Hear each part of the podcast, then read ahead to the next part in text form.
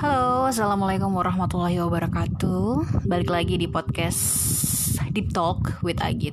Lama banget gue nggak posting uh, karena gue lagi banyak pikiran, lagi banyak pikiran, lagi banyak kerjaan dan lagi nggak mikirin podcast sebenarnya.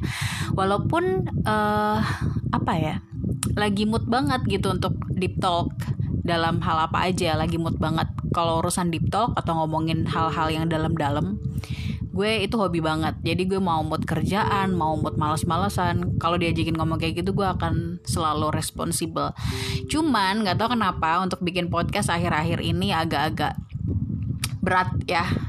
Karena biasanya gue untuk bikin podcast gue harus me, me apa ya menulis listnya dulu nih apa aja yang perlu gue bahas supaya nantinya gue nggak kelupaan gitu. Cuman kali ini gue mencoba untuk tanpa list ya. Jadi kalau nanti terdengar random aku mohon engkau memaklumi kekuranganku ya kekuranganku ya udah kemarin-kemarin bukan kemarin-kemarin sih beberapa minggu yang lalu ya gue sempat posting di instastory gue kalau gue pengen ngomongin soal kenapa move on dengan mencari pengganti itu bukanlah solusi. Oke, okay, uh, eh, kira-kira kenapa? Hmm, kayaknya banyak banget di antara kalian yang tahu ya sebabnya atau alasannya kenapa. Walaupun gue menyadari dan gue mengakui ketika ada salah satu temen, beberapa temen curhat sama gue nanya, uh, Git, gimana sih caranya biar dia tuh nggak ada lagi di hidup gue, nggak ada lagi di pikiran gue gitu gue selalu menyarankan untuk bukan selalu ya tapi beberapa kali gue menyarankan untuk ya lo cari yang lain gitu.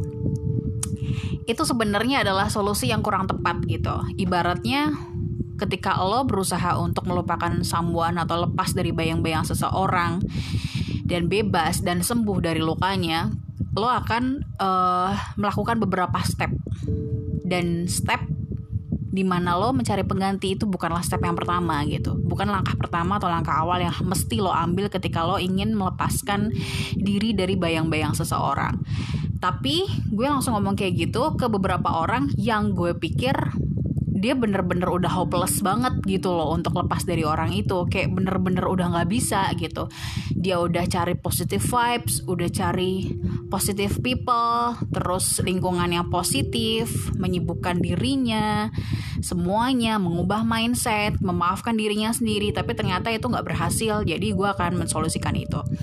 Kita balik ke topik kita kenapa move on uh, dengan mencari pengganti itu bukanlah hal yang tepat. Uh, gimana ya? Kenapa ya?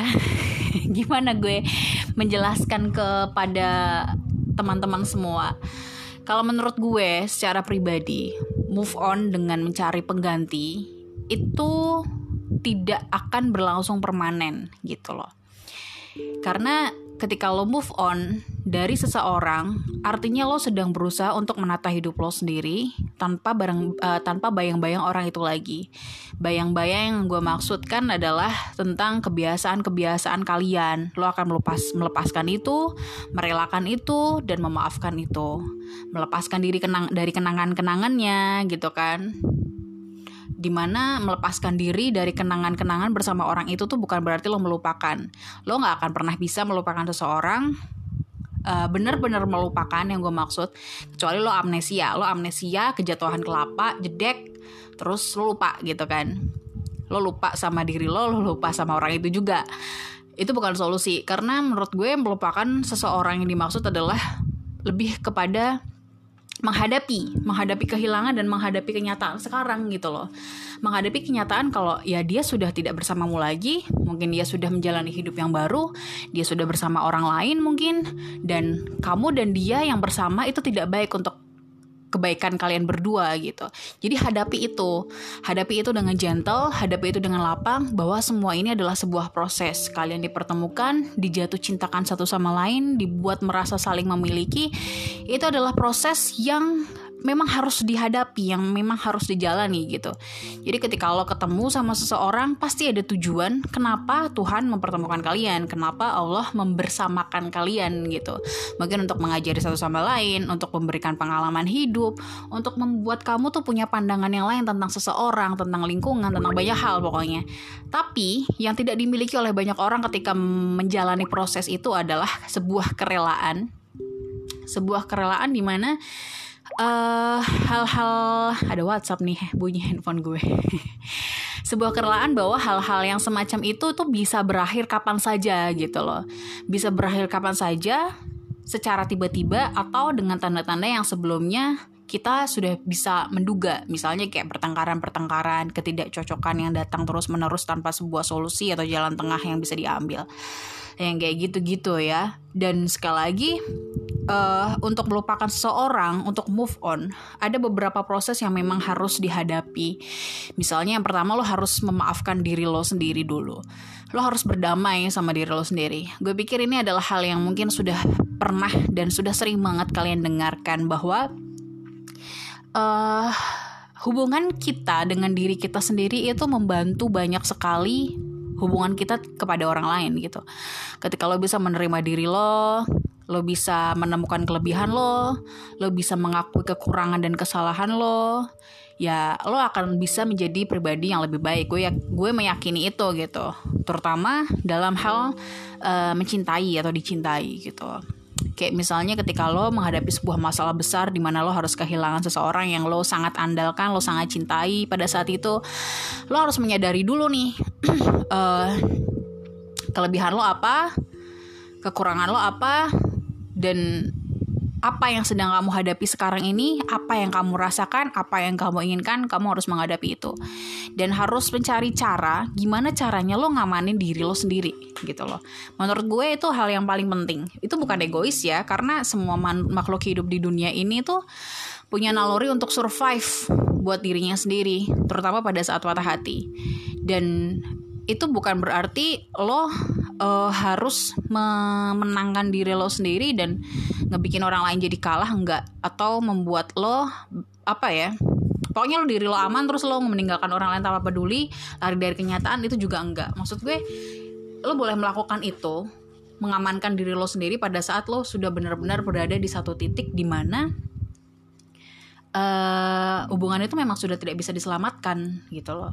Ketika lo sudah ada ber, sudah sudah sudah ada di satu satu titik seperti itu, ketika kamu sudah ada di satu titik di mana kamu menyadari bahwa hubunganmu tuh tidak bisa diselamatkan, banyak orang justru berpikir bahwa hubungannya masih bisa diselamatkan. Satu itu. Dua, seharusnya tidak begini. Tiga, sangat menyesali. Empat, menyalahkan diri sendiri.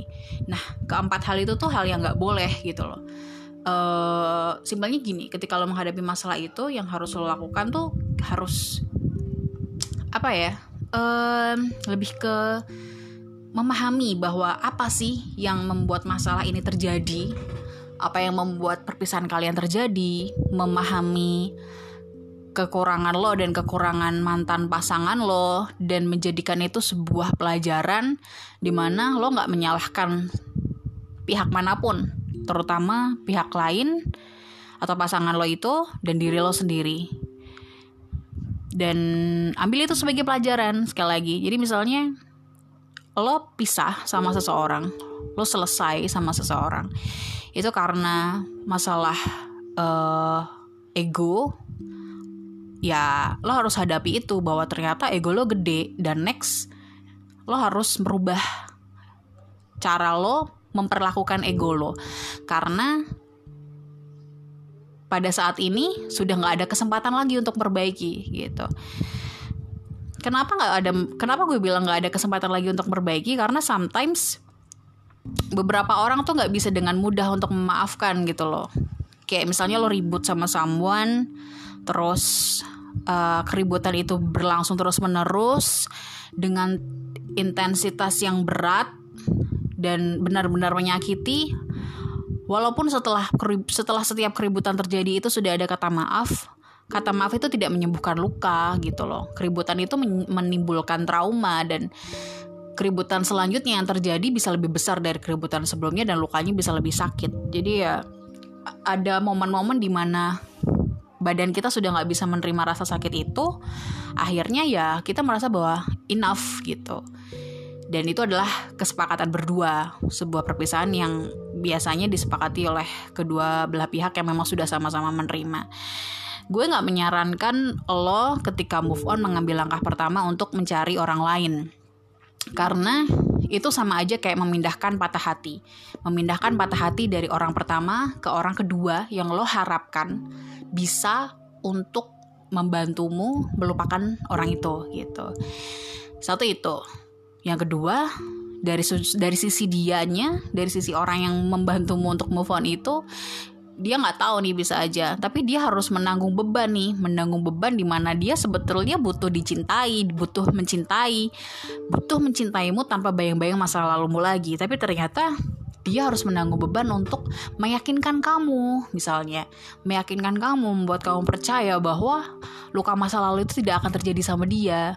Kemudian dia juga harus berusaha untuk merubah mindset kamu terhadap uh, hubungan kasih sayang hal-hal yang semacam itu. Dia tuh ibaratnya kayak harus bersihin sampah-sampah yang tertinggal pada diri lo sendiri yang seharusnya harus lo bersihin dulu sebelum lo siap menerima orang lain. Ibaratnya kayak lo tuh rumah terus abis ada orang yang tinggal di situ berantakan banget tempatnya. Terus kacau banget rumahnya rusak. Terus lo tidak membersihkan diri lo dulu tapi bukan bukan bukan bukan membersihkan diri lo ya tapi sebagai pemilik kontrakan nih kamu belum merapikan rumahnya belum membersihkan rumahnya belum membetulkan kerusakannya tapi kamu langsung menerima orang lain di mana orang lain itu kamu andalkan untuk membetulkan tempat itu gitu. Itu kayak sesuatu yang tidak bertanggung jawab dan gak bijak banget menurutku. Itu yang pertama eh yang kedua ya yang kedua dari sisi orang itu. Dari sisi lo sendiri uh, itu terlalu mengambil resiko menurut gue. Karena kalau lo pengen move on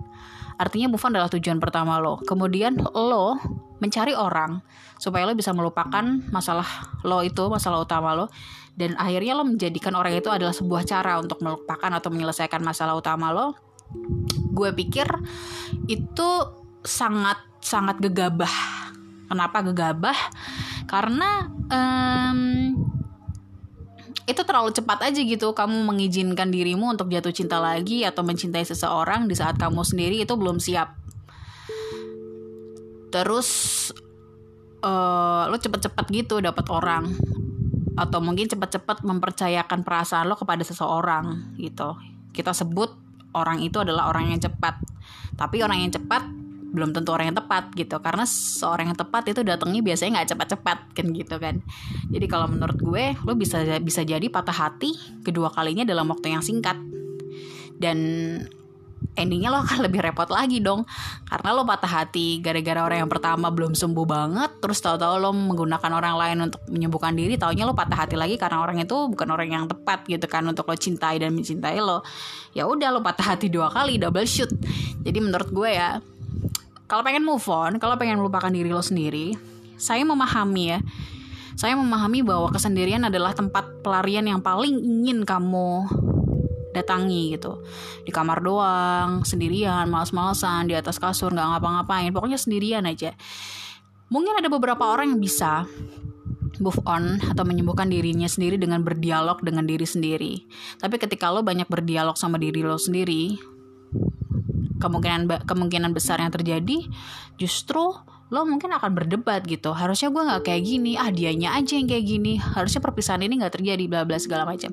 Ada momennya ketika lo harus menghadapi kehilangan seseorang lo berdialog sama diri lo sendiri berdialog yang dengan bijak bahwa it's okay um, kamu sudah melakukan yang terbaik. Semua orang berbuat salah kamu hanya manusia biasa kamu juga berbuat salah yang penting kita mengambil pelajaran dari dari hal ini maafkanlah orang lain dan kita harus memulai hidup baru life must go on. Kamu punya orang-orang yang baik teman-teman yang baik yang siap mendukungmu ada orang tua kakak adik segala macem yang membutuhkan sosok kamu yang sehat. Kayak kayak gitu-gitu. Terus setelah kamu bisa berdialog sama diri sendiri kamu bisa mencari orang-orang yang positif gitu. Cari temen yang memang bisa memberikan positive vibes buat kamu. Terus cari lingkungan yang nyaman buat kamu. Cari uh, kesibukan yang baik buat kamu. Meningkatkan produktivitas itu bisa sangat membantu kamu dalam mengalihkan rasa sakit gitu.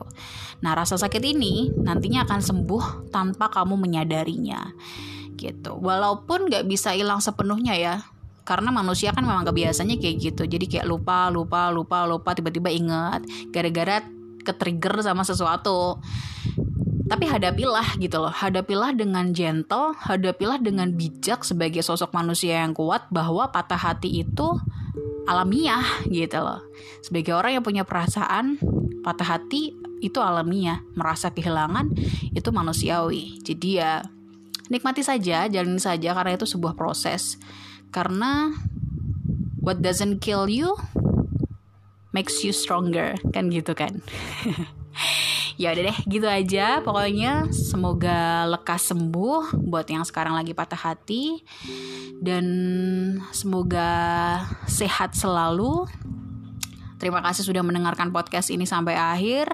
Kamu bisa mengirimkan kritik dan saran di email princessagit at gmail.com ya. Jangan lupa follow di Talk with Agit dan Instagram gue at kepandamu buat bisa keep in touch sama gue lebih jauh.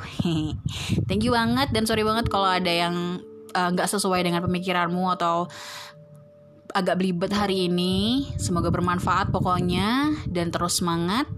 Wassalamualaikum warahmatullahi wabarakatuh.